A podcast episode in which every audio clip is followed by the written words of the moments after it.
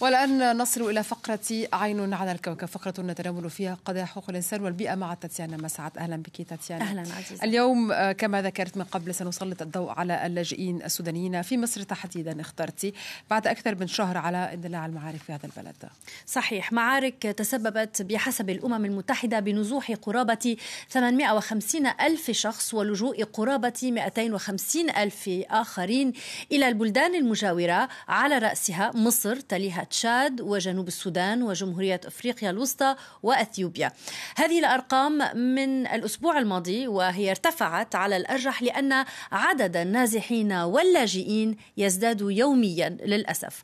وإن لم يتوقف العنف سريعا تتوقع الأمم المتحدة أن يتخطى عدد اللاجئين 850 ألف بحلول الخريف المقبل. أتحدث عن اللاجئين وليس النازحين. للحديث عن وضع اللاجئين اذا في مصر كما قلت تنضم إلينا الآن من القاهرة نائب المدير التنفيذي لمؤسسة كير مصر فيفيان ثابت. أهلا بك. أهلا بحضرتك. أهلا بيكم. منذ أيام أصدرتم بيان تقولون فيه إن أكثر من 80 ألف لاجئ من السودان وصلوا إلى مصر وإن عددهم آه، يزداد يوميا. ما هو عددهم الآن؟ وأين يتم استقبالهم؟ وفي أي ظروف خاصة؟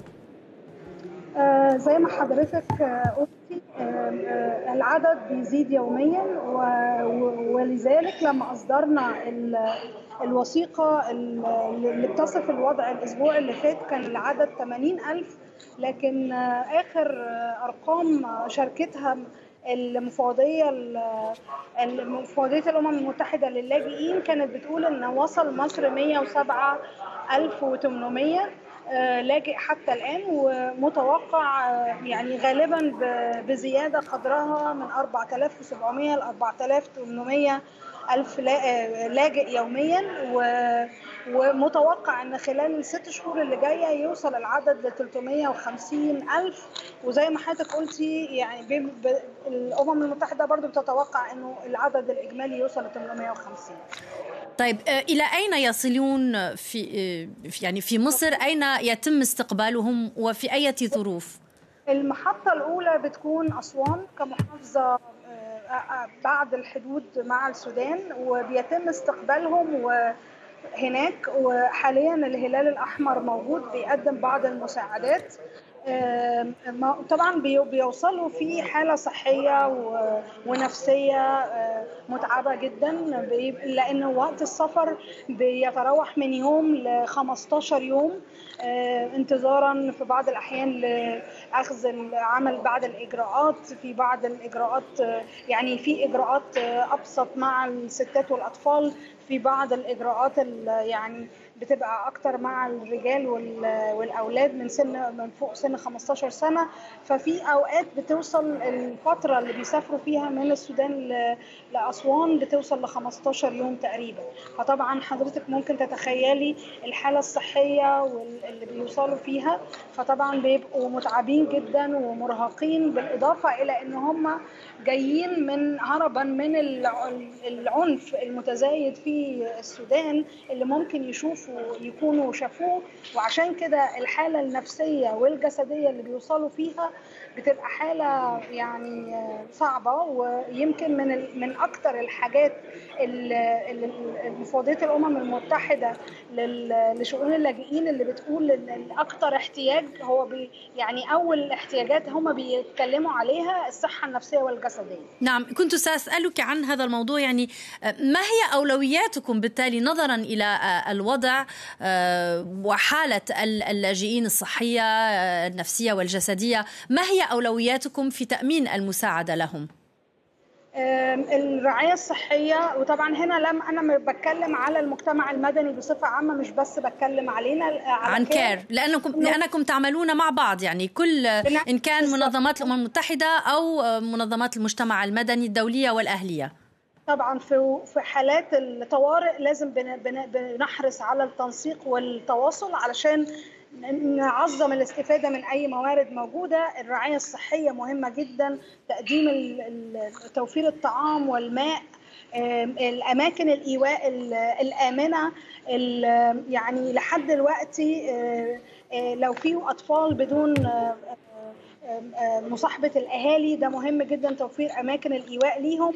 لحد دلوقتي ما فيش مظاهر لسوء التغذية من الأطفال القادمين لكن زمايلنا في كير السودان كانوا عملوا دراسة سريعة للتعرف على الأوضاع والاحتياجات وكانوا بيقولوا إنه التغذية من أو مشاكل سوء التغذية من المشاكل الأساسية اللي إحنا المفروض نتوقعها للاجئين القادمين يعني مستقبلا.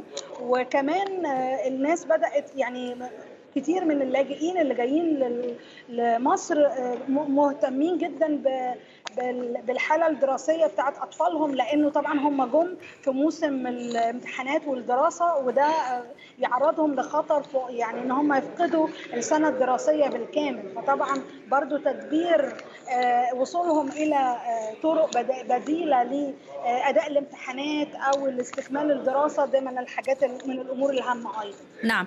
تحدثت عن أكثر من مئة ألف لاجئ إذا سوداني أو مصري يعني كان يسكن في في السودان إلى مصر. تحدثت عن أماكن السكن. أين يسكنون؟ هل هناك مخيمات أم كيف يتم إيوائهم؟ طب هو معروف في مصر إن ما عندناش مخيمات وبن يعني الأولوية الأولى إن إحنا نوفر المساكن آمنة ودايما بيبقى مع مع الحالات الشبيهة. يعني في الأزمة السورية قبل كده كانت في فرصة كبيرة لاندماج السوريين داخل المجتمع من خلال توفير أماكن مؤجرة. طبعا مش كل الأسر بتقدر على كده وعلشان كده وجود ال ال يعني بعض الأماكن اللي تقدر تقدم المساعدات هام جدا للأسف لحد دلوقتي التمويل مش متوافر ليه ولا المفوضية ولا للشركاء اللي بيشتغلوا مع المفوضية ولا للهيئات الدولية فعلشان كده شوية المساعدات اللي إحنا بنقدمها محدودة لأن بت يعني من. بتعتمد أساسا على الفلوس الموجودة